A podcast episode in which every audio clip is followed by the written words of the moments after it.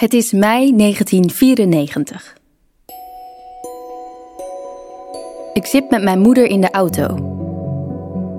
We zijn onderweg naar opa en oma Dalen. Het zijn haar opa en oma, mijn overgrootouders. Ik ben 2,5 jaar oud en gek genoeg kan ik me dit bezoekje nog goed herinneren. Of dit is omdat het me later verteld is, weet ik niet. Maar als ik eraan denk, dan ben ik meteen weer in die kamer. Ik stap aan mijn moeders hand de kleine woonkamer binnen. Oma Dalen begroet ons. In de hoek van de kamer, voor het raam, op een grote stoel, zit opa Dalen. Met zijn benen rustend op een voetenbankje. Hij wenkt me voor een knuffel. Braaf loop ik naar hem toe. Hij slaat zijn armen om me heen en dan doet hij iets waarvan ik eigenlijk al wist dat het ging gebeuren. Hij begint me keihard te kietelen. Nee, niet doen, stop, roep ik. Maar opa gaat door. Hij luistert niet. Dat is het. Zolang ik me kan herinneren, heb ik die herinnering aan mijn overgrootvader. Een paar maanden nadat deze herinnering moet zijn opgeslagen in mijn hoofd, overlijdt hij op 85-jarige leeftijd. Toch is hij nooit echt weggegaan. Er moet iets in zijn aanwezigheid zijn geweest dat me zo getriggerd heeft dat hij altijd als een soort onzichtbare man in mijn leven is gebleven. Toen ik een kind was, keerde hij vaak terug in mijn dromen. Nachtmerries had ik over hem. Hij marcheerde dan langs ons huis, op zoek naar mij. Ik werd bang voor hem. Om het een plekje te kunnen geven, maakte ik in het oude konijnenhok daarom een gedenkplaatsje voor hem. Als ik aan hem dacht, ging ik er naartoe. Ik praatte soms zelfs met hem. Hij bleef me achtervolgen. En toen ik rondkeek, bleek opa Dalen niet alleen een schaduw te zijn in mijn leven, maar ook in dat van de rest van de familie. Hij was altijd lief en uh, betrokken. En nou, dat was voor mij zo'n, um, ja, een beetje een desillusie uh, bijna. En dat ik hem toen dacht van, hé, hoe kan het? Hoe kan opa dit, dit gedaan hebben? Je voelt het gewoon, je voelt fysiek. Um, de ik moet het mijn kinderen ook nog gaan vertellen. Opa Dalen achtervolgt ons. Mij, mijn familie hoe kan het dat mijn overgrootvader na zijn dood nog zoveel invloed heeft op de generaties na hem? Wat is het verhaal achter deze man? En moet je je schamen voor het verleden van je voorouders? Ik voel aan alles dat ik dat moet uitzoeken.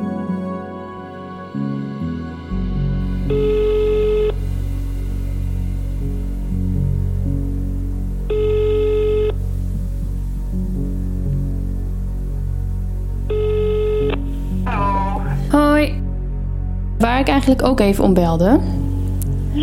Uh, ik ga dus een podcast maken. En ik wilde vragen of ik jou ook mag interviewen voor die podcast. Oh, en waar gaat het over? De podcast gaat over uh, mijn overgrootopa die een NSB'er was. Oké. Okay. Oké. Okay. Mhm. Um...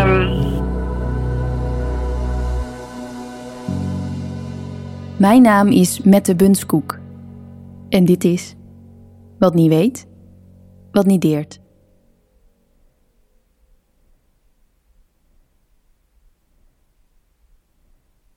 Oké, okay, nou ik denk dat het in het begin vooral even een wen is dat hij er, uh, dat hij er is. Maar ja. misschien ook wel niet. Misschien nou ja. ook wel niet. Ik zit met mijn moeder in mijn ouderlijk huis aan de keukentafel. Aan deze oude houten tafel hebben we al honderden gesprekken gevoerd. Wat vind je ervan dat... Toch is het nu een klein beetje ongemakkelijk. Ze vindt het spannend, zie ik. En ik ook wel. Het is toch het verhaal van haar opa. Mijn overgrootvader. En er is eigenlijk niemand in de familie die graag praat Eh, over dit verleden. eh, eh, Mijn moeder is de eerste in de familie die er zo snel voor open En stond. Praten over het NSB-verleden van opa Dalen. Wat ik ook nog altijd heel erg moeilijk vind, zeg maar. Omdat ik... ja, ik was dol op mijn opa en oma. En ehm, ja, dit stukje is toch wel iets ehm, waar we dan, wat ik al zei, niet zo trots op zijn. En eh, dus dat maakt het ook een beetje dat het, dat het een beetje dubbel eh, voelt voor mij. En maakt het dat, dat, dat, dat je er daar niet meer over zou praten? Nee, ook- eh, ook omdat er gewoon altijd de schaamte is. En wat is die schaamte dan? Ehm, nou, gewoon het feit dat ze bij de NSB aangesloten waren. De letters uit de afkorting NSB staan voor Nationaal Socialistische Beweging. Die beweging was een politieke partij, opgericht in 1931. Inspiratiebron en voorbeeld voor de NSB was de NSDAP, de Nationaal Socialistische Duitse Arbeiderspartij van Adolf Hitler. Het mogen duidelijk zijn: lid zijn van de NSB is niet iets om trots op te zijn met zo'n inspiratiebron. Toch telt de NSB op zijn hoogtepunt in 1941 zo'n 75.000 leden. Waaronder opa Dalen. Na 1941 nam het ledenaantal snel af. Maar opa Dalen bleef. En voel jij die schaamte nu nog? Ja, En waar uit dat zich dan in? Of hoe zijn er momenten waarop je die schaamte nou, voelt? Of... nou ja, het is, het is ook wel dat je, zeg maar, als je verhalen hoort over als mensen eh, of leeftijdsgenoten, over, eh, als we het over de oorlog krijgen, die we gelukkig allemaal niet zelf meegemaakt hebben, maar dat mensen dan vertellen ehm, van eh, eh, families die gewoon alle, waar, iedereen in het verzet heeft gezeten en iedereen gevochten heeft en, en eh, de vijand zo lastig mogelijk heeft gemaakt. En ja, dan voel ik de schaamte dat mijn eh, opa aan de verkeerde kant eh, eh, stond. En heb je het daar dan ook over? Nee. Nee, dat vind ik te, te lastig. Wat is dan die schaamte? Het is een beetje een moeilijke vraag misschien, maar voel, voel jij je dan verantwoordelijk voor zijn, om het even daden te noemen? Of Eh, nee, ik voel me daar niet verantwoordelijk voor, maar toch eh, is er ook altijd een beetje. ehm, ehm, nou, er is ons ook altijd verteld van ze, ze waren bij de NSB, maar eh, ze hebben eigenlijk nooit geen vlieg eh, kwaad gedaan. En ehm, daar heb ik gewoon ook lang over af, getwijfeld. Dat ik dacht, ja, dat wordt gezegd. Is het dan ook zo? Is het dan niet zo? Maar goed, ondertussen denk ik dat het inderdaad niet zo is. En, ehm, ehm, maar als andere mensen het woord NSB horen, dan heb ik het idee eh, dat ze mij daar nog op aankijken. Of ons, onze familie. weet je hoe dat komt? Eh, 75 jaar geleden. Dus Ja, nou, omdat ik, ik weet wel, ehm, kijk, ik denk dat onze generatie dat niet meer zo, ehm, eh, dat niet zo hoeft te voelen. Maar dat komt nog wel omdat eh, oma natuurlijk ook heel oud is geworden, 98, en die zat in het bejaardenhuis. En toen die net in het bejaardenhuis kwam, waren er mensen die niet naast haar wilden zitten, omdat zij vroeger van de NSB was. Dus dat heb ik allemaal nog, dat stukje heb ik nog bewust meegekregen. Dus daarom voelt het voor mij nog een beetje zo van hoe, hoe kijken andere mensen dan tegen onze en onze familie aan. Onze familie. Onze familie is een hechte familie. Eigenlijk altijd al geweest. Ik heb een goede band met mijn oom en tantes en zelfs mijn achternichten ken ik goed. Zij zijn allemaal kleinkinderen van opa Dalen. Mijn broer, die ook in deze podcast te horen is, is net als ik zijn achterkleinkind. Opa Dalen wordt op 13 maart 1909 geboren in het Drentse dorpje Dalerveen. 82 jaar voordat ik in datzelfde dorp ter wereld kom en 84 jaar voor mijn kietelherinnering. Hij groeit er net als ik op in een boerengezin. Samen met zijn vrouw krijgt hij twee kinderen. Hij is net als zijn vader boer en runt met hem de boerderij. Door de hechte familieband doet het feit dat ik deze podcast maak snel de ronde. Vooral zijn kleinkinderen, dus de generatie boven mij, hebben er moeite mee. Er is namelijk veel schaamte en schuldgevoel. Dus waarom zou je het er dan over hebben? Het liefst wil ik ze allemaal spreken, om ze te vragen welke rol hij in hun leven speelt. Maar niet iedereen wil meewerken. Tegelijkertijd is er bij zijn kleinkinderen ook nieuwsgierigheid. Want regelmatig ontvang ik appjes met vragen over opa Dalen die me verbazen. Weet niemand dit dan? Durfden zijn kleinkinderen het niet aan om het verleden van hun opa te onderzoeken? Mijn tante, Anja, is een van de kleinkinderen van wie ik appjes ontvang. En als ik haar vervolgens vraag om mee te werken aan de podcast, twijfelt ze. Wel doen, niet doen, nu doen, later doen, oké, toch maar nu doen. We spreken af op een zonnige zondagmiddag en ze haalt me van het station.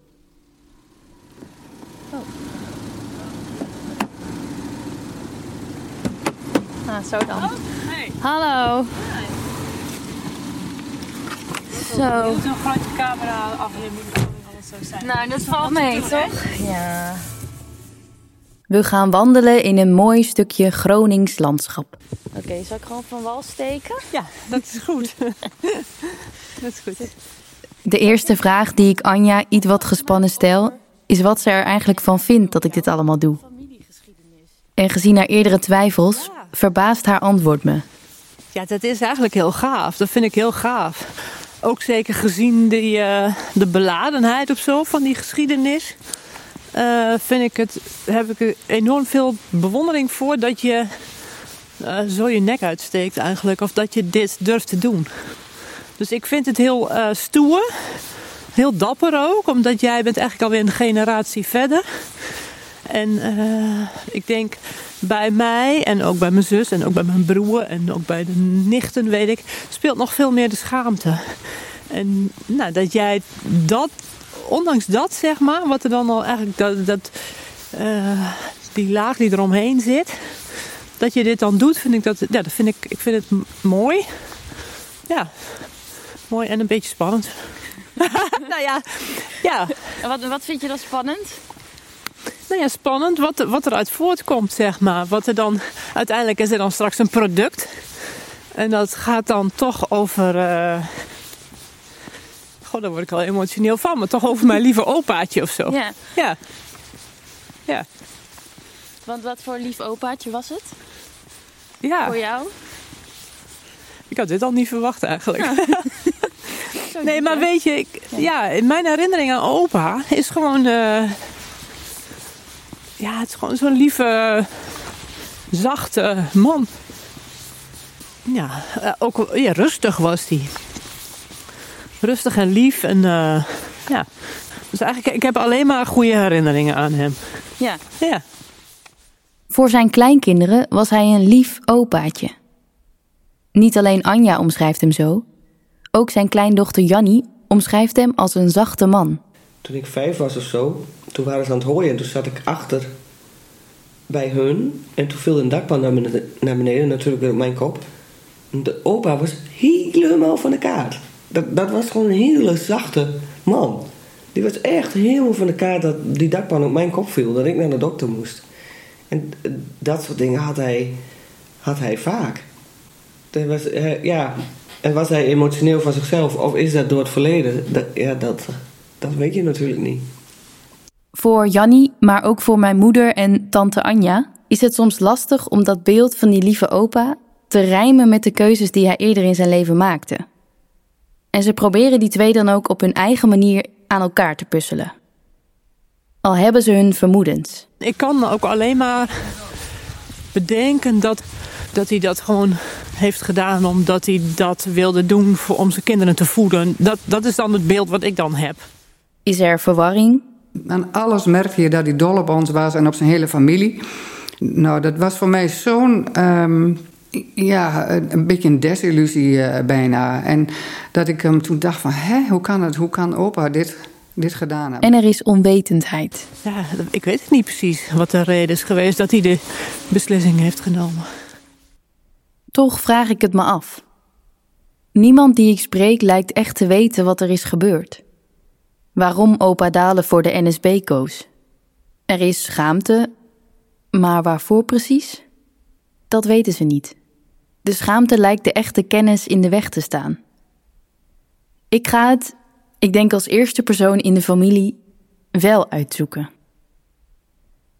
Om het te kunnen begrijpen ga ik op bezoek bij herinneringscentrum Kamp Westerbork.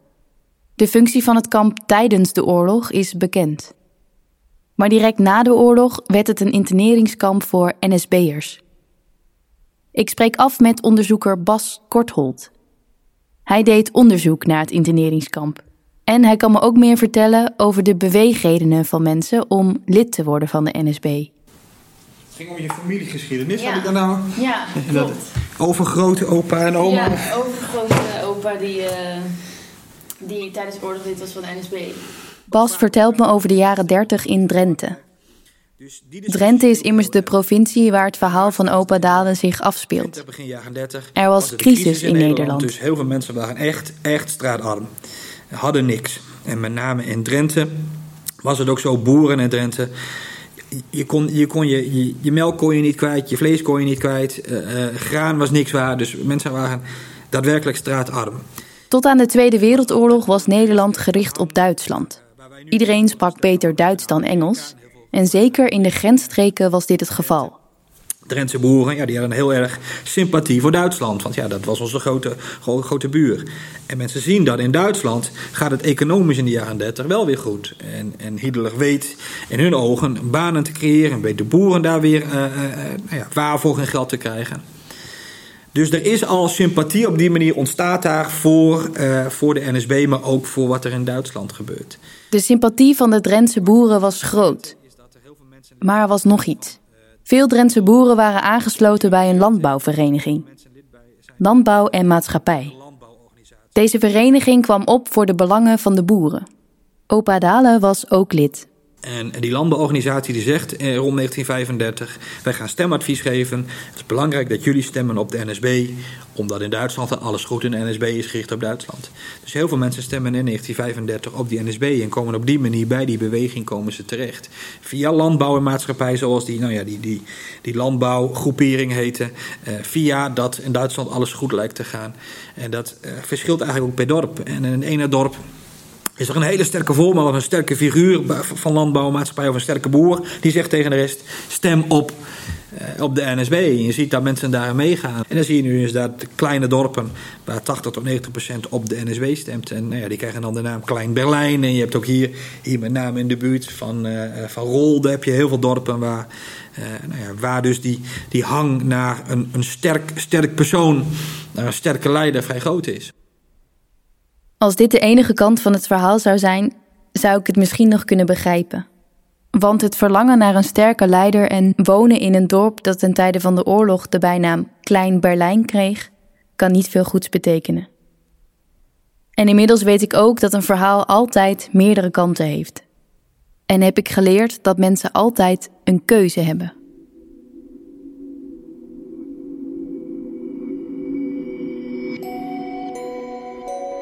Ik ben tien jaar en besluit dat ik opa Dalen een plekje moet geven. Een fysieke, letterlijke plek. Een gedenkplaats. Een plekje dat er speciaal voor hem is, waar ik me kan terugtrekken. Ik loop door de tuin en rond het huis op zoek naar een geschikte plek. Mijn oog valt op het konijnenhok dat aan de rand staat van het stukje tuin dat wij de konijnenwei noemen. De konijnen zijn dood en dus staat het hok waar ze binnen konden zitten leeg. Het is een houten hok, zwart gebijt met een raam dat bestaat uit zes ruitjes. Er zit een deur in, waardoorheen ik naar binnen stap. Dit is de plek. Opa Dalens plek. Ik ga er naartoe om met hem te praten. Als ik me verdrietig voel of onzichtbaar. Of als ik gewoon wil vertellen hoe mijn dag is geweest, dan praat ik met hem. Op de plank waar ooit het konijnenvoer stond, zet ik wat spulletjes neer. Geen spullen die van hem waren, want die heb ik niet. Hij zit alleen in mijn hoofd.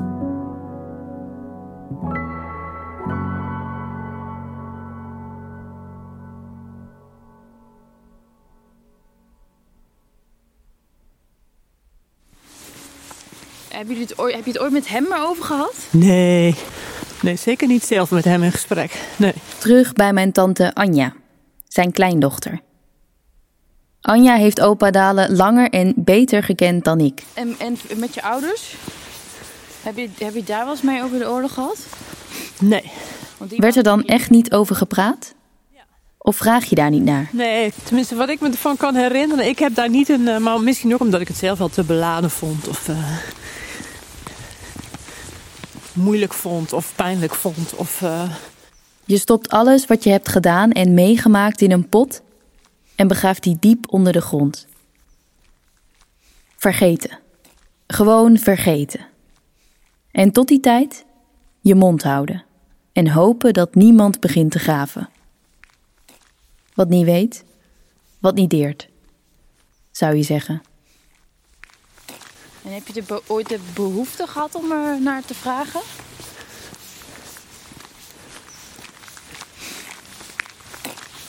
Nou ja, in die zin dat zeg maar nu ik in, in sommige situaties er nog wel eens last van heb. Last heb van ehm, eh, misschien wat gevolgen kunnen zijn of zo. Ja. Dat je denkt van zou het iets oplossen door het er nog over te hebben. Maar nou, ik merk dat ik dat heel lastig vind. Zou het iets oplossen door het er nog over te hebben? Soms lijkt het alsof het erover hebben alleen maar pijnlijkheden oproept. Als ik de emotie hoor in Anja's stem, als ik de spanning zie op mijn moeders gezicht als de microfoon aangaat, als ik stiekem s'avonds in bed besluit toch maar met het licht aan te slapen, uit angst de angst van vroeger weer te voelen. Zou het iets oplossen door het er nog over te hebben? Zouden deze emoties, spanning en angsten er zijn geweest als er wel over was gepraat? En, en met, met eh, eh, je broer en zussen, heb je het daar dan wel... oké, Nou, we hebben het er wel over gehad in ons leven. Zeker wel vaker. Ik kan me nog wel herinneren dat we een lange wandeling gingen maken. Dat was eigenlijk misschien wel de eerste keer dat ik er meer over hoorde. Ja, en met eh, mijn broer en zus. En van Ria weet ik dat die veel last heeft gehad van de schaamte. En mijn broer ook. En dat bleek ook vorige week wel weer. Weet je, als ik dan zeg...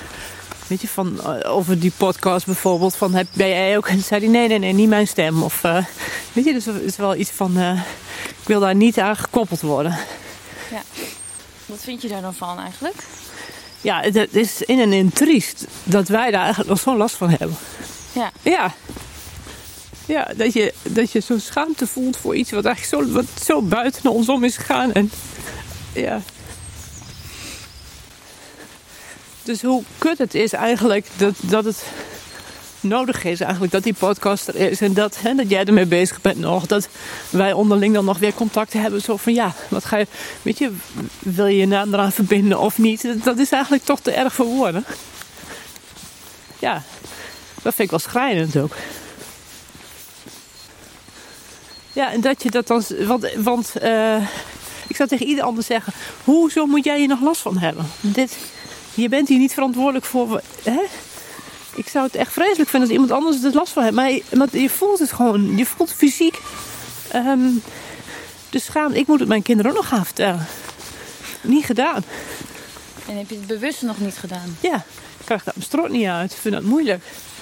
Ik denk dat dit de aanleiding is dat ik het ga vertellen. En het moet dan ook niet, weet je, het moet ook niet groot worden. Wat is het nou helemaal? Maar zeg maar, fysiek van binnen voel je wel dat, voel je het zelf, ervaar je het als groot. En is het dan dat je bang bent voor de reactie die ze, die ze hebben? Of dat je bang Ja. bent dat ze dan nu ook opgescheept zitten met een... Nou, enerzijds dat een beetje, ja. En Of dat ze een, beeld, een onterecht beeld krijgen van een, een overopa die ze al niet eens gekend hebben. Maar wat dan niet klopt of zo. Of dat, ze, dat er toch zo'n soort smet op de familie rust. Zoiets. Als je iets niet vertelt, is het er dan ook niet?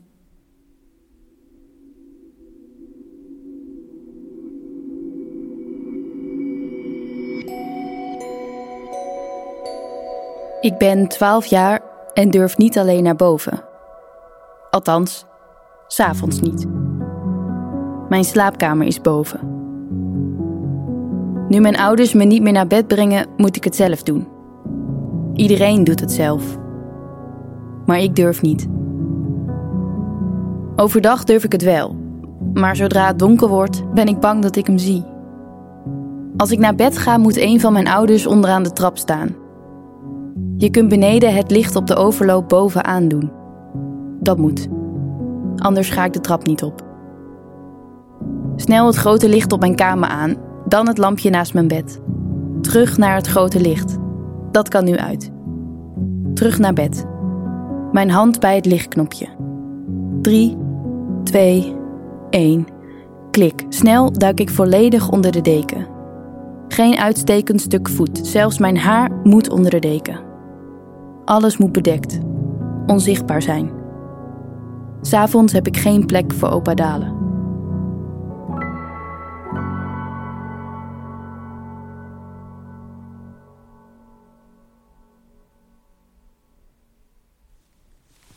Maar heb jij ooit dit, dit, soort- die heb- dit heb jij nooit uitgezocht of be, Nee, be- bedacht uit, uitzoeken? erin verdiept of zo. Ja, erin nee. verdiept. nee, nee. Zoals ik al eerder zei, in mijn familie hebben ze het er liever niet over. Het NSB-verleden. En Anja, mijn tante die je net hoorde, heeft zich er ook niet verder in verdiept. En ze is niet de enige, want ook mijn moeder heeft dit niet gedaan. Is die behoefte er dan ooit geweest? Ik vraag het mijn moeder. Nee, ik heb die behoefte niet gehad. En, ehm, en dat, wat je het laatste zei, speelt dan ook nog misschien ook wel een heel klein beetje mee. Dat je denkt dat je eh, ook niet wilt weten wat er is gebeurd. Niet willen weten wat er is gebeurd. Het gaat er bij mij niet in. Als ik het hem nu had kunnen vragen, was ik meteen op mijn fiets gesprongen en naar hem toegereden.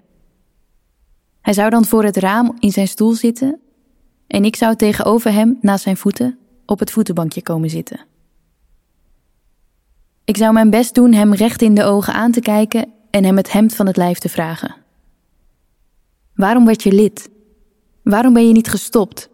Wat heb je allemaal gedaan? Heeft niemand je tegengehouden? Geloofde je echt dat het beter werd? Hij zou het me vast allemaal vertellen.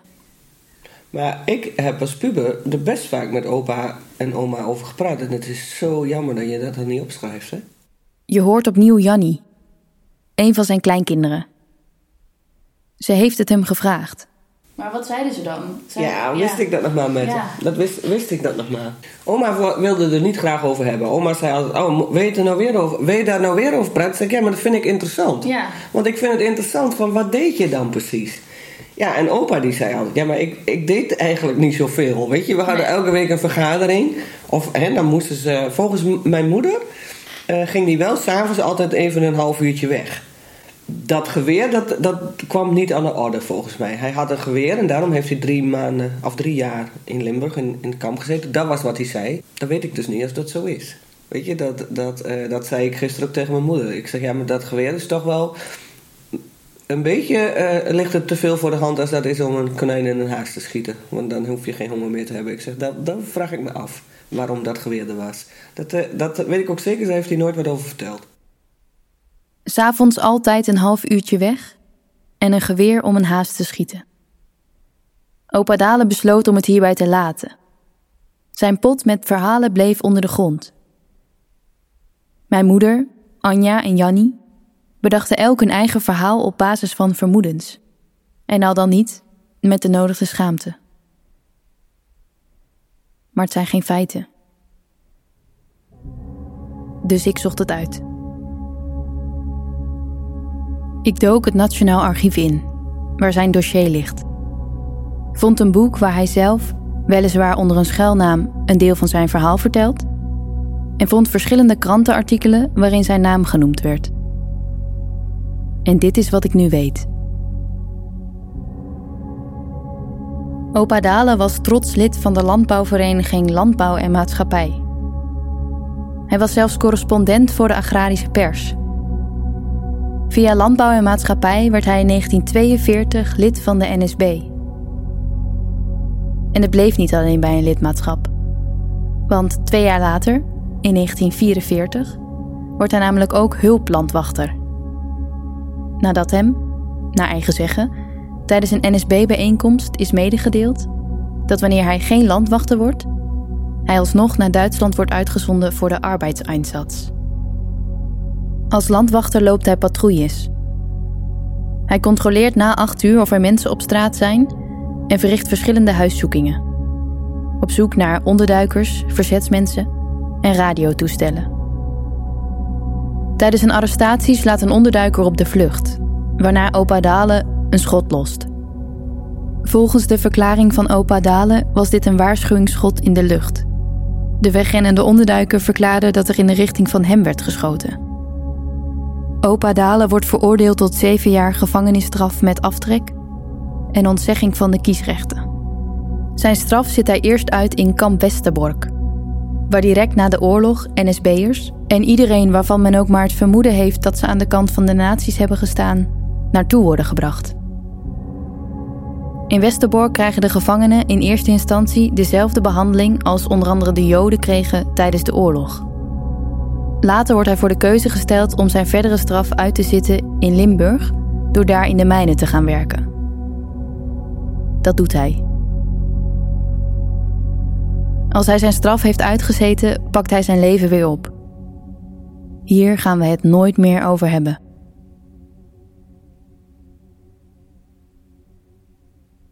En ik ben het achterkleinkind dat het allemaal weer oprakelt. Omdat ze het allemaal wil weten. De geschiedenis wil kennen. En er dan ook nog een podcast over maakt. Mag ik dat wel?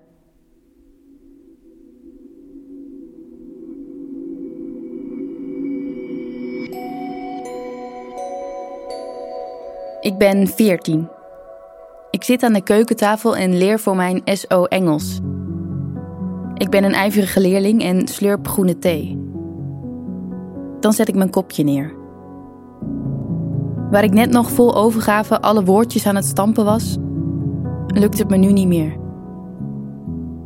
Daar is hij weer. In mijn rug voel ik koude rillingen en ik raak in paniek. Ik geloof niet in dit soort dingen, maar toch raak ik in paniek. Mijn vader, die in de woonkamer tv zit te kijken, opent de schuifdeuren tussen de keuken en de woonkamer. Gaat het? Omdat ik te veel tril om te doen alsof er niets aan de hand is, vertel ik hem dat het niet gaat en dat opa Dalen. Maar ja, dat valt toch niet te begrijpen.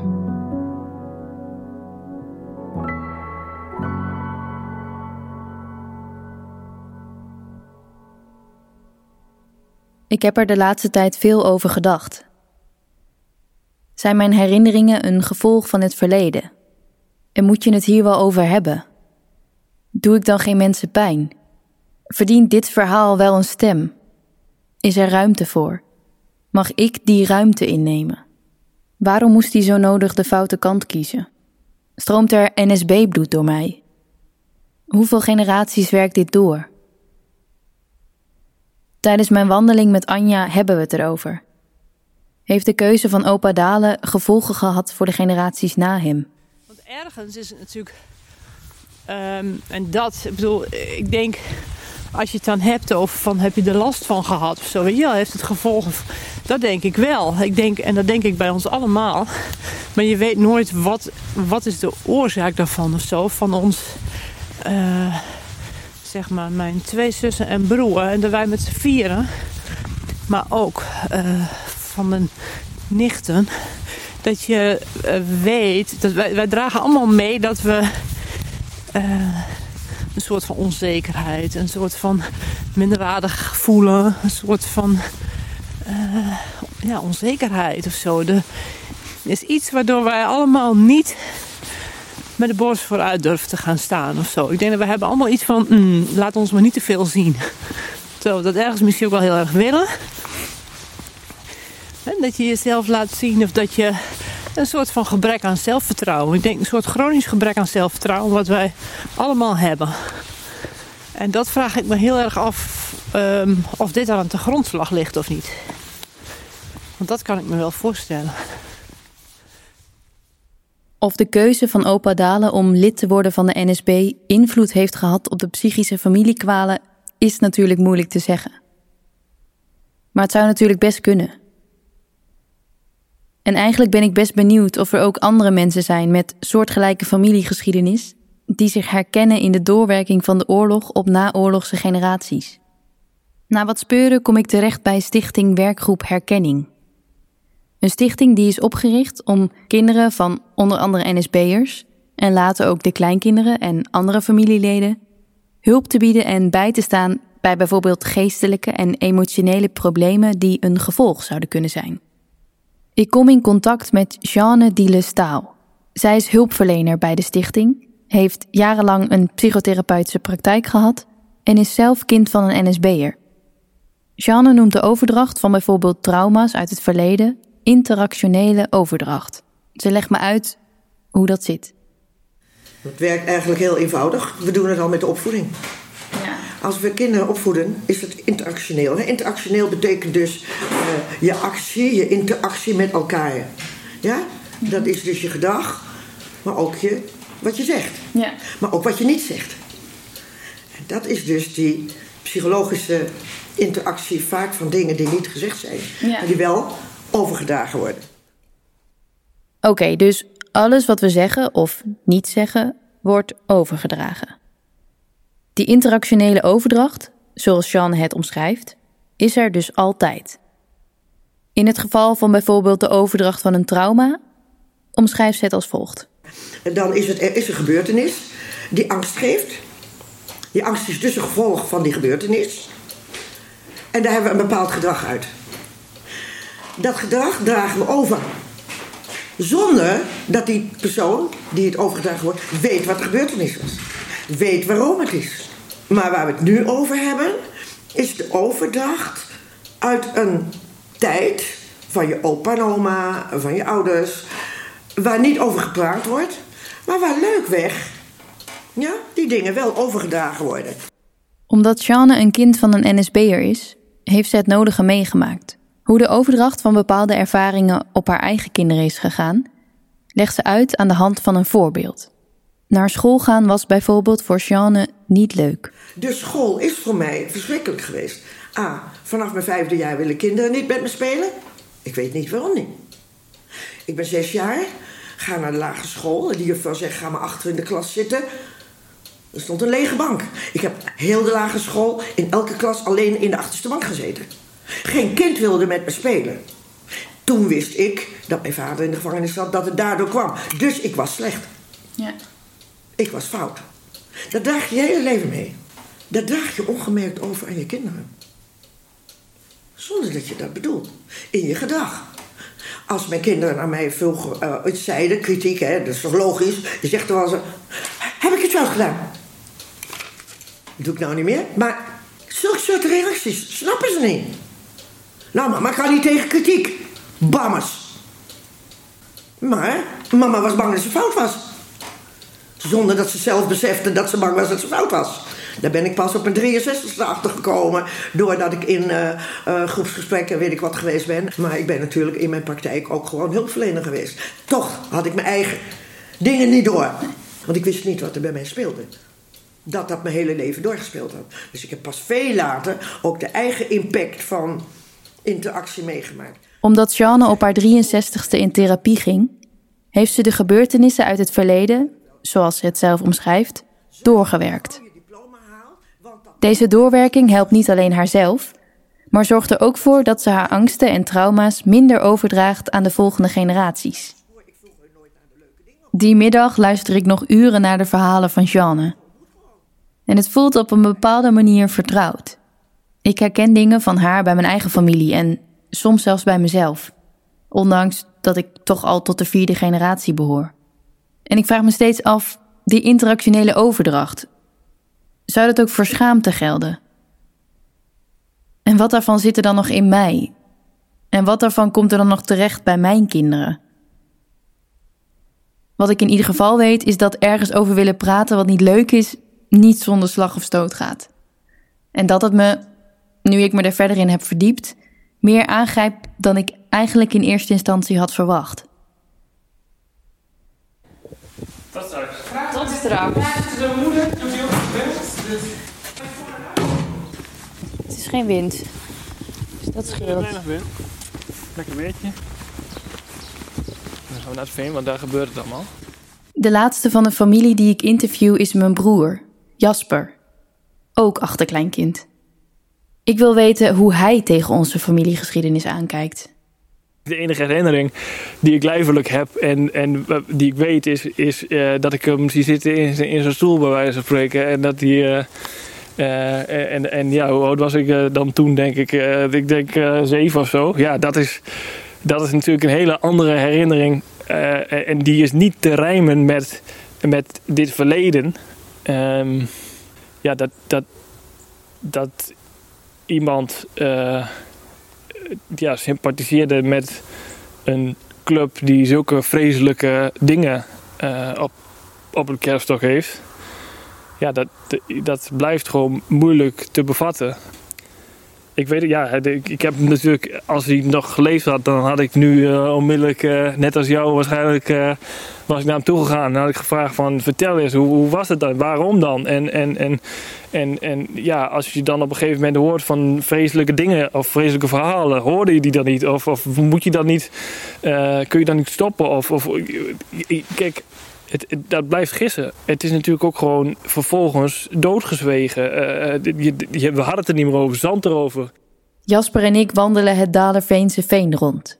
De grond waarop dit verhaal begon en waar we beiden zijn opgegroeid. We wandelen lang, praten veel en ik voel eigenlijk meteen dat we er best wel gelijk in staan. Een generatiedingetje, denk ik. Weet je, het, het, het, houdt een keer op met zwijgen, zeg maar. Want ergens, iedereen weet het verhaal. Ook, ook in, onze, in onze familie denk ik, iedereen weet het. Maar ja, wat, wat, wat, heb jij, wat kun jij nou doen aan, aan iets wat toen fout is gegaan? Dat is toch iets van. De, dan, dan, liever, dan liever, denk ik. ehm, ik wil het verhaal weten. Ik wil weten, wat is, er, wat is, wat is dat toen dan misgegaan? En wat. eh, eh, Weet je, ik wil niet dezelfde eh, als. eh, God dat het ooit gaat gebeuren. Maar als ik ooit voor eenzelfde keuze kom te staan. dan wil ik niet de foute kant kiezen. Nou, dan moet ik dus ook kunnen leren van wat er in het verleden fout is gegaan.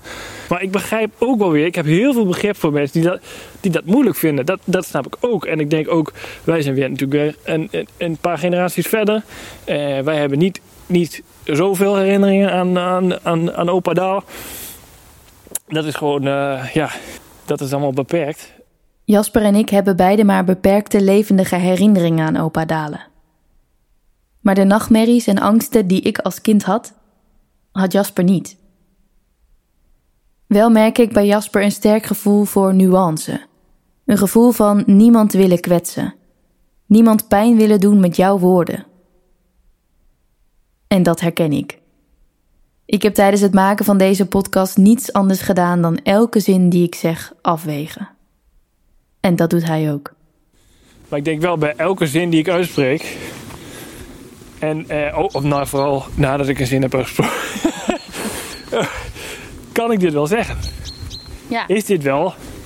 Weet je, doe ik daar met mensen geen eh, pijn mee, zeg maar. Ik bedoel, ik, ik sta voor, ik zeg wat ik zeg. Maar ik denk wel, ja.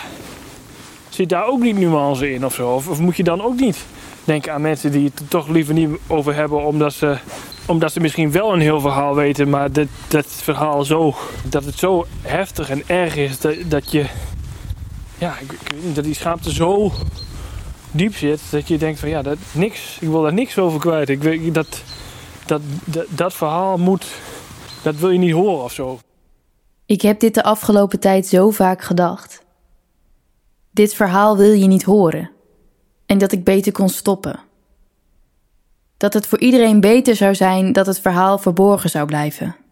Maar ik bleef voelen dat ik er zo graag over wilde praten.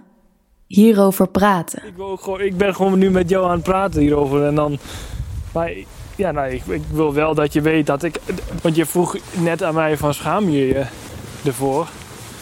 Nou ja, ik, ik, ik schaam me niet voor wat is gebeurd, want ik kan daar niks mee. Ik heb daar niks mee.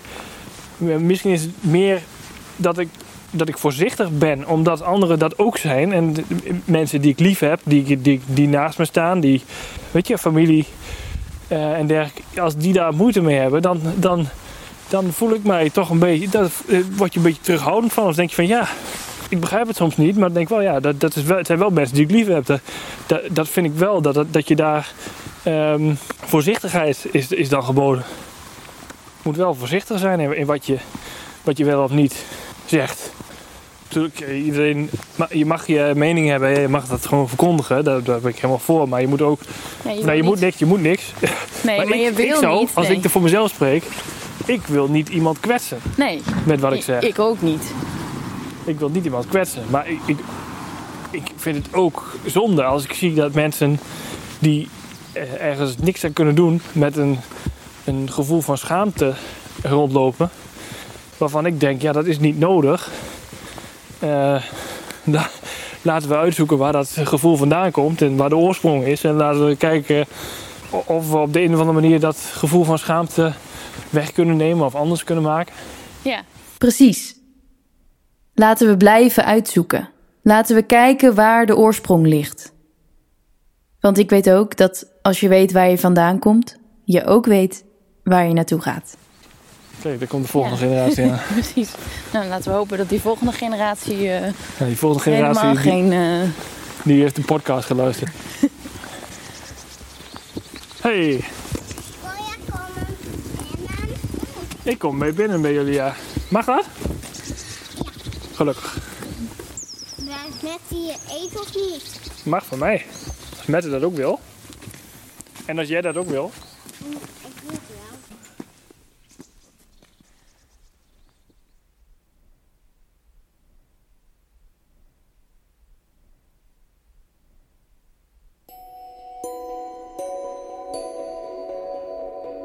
Je hebt geluisterd naar Wat niet weet, wat niet deert. Gemaakt door mij, Mette Bunskoek. Deze podcast is tot stand gekomen met steun van de provincie Overijssel en Theater Nora.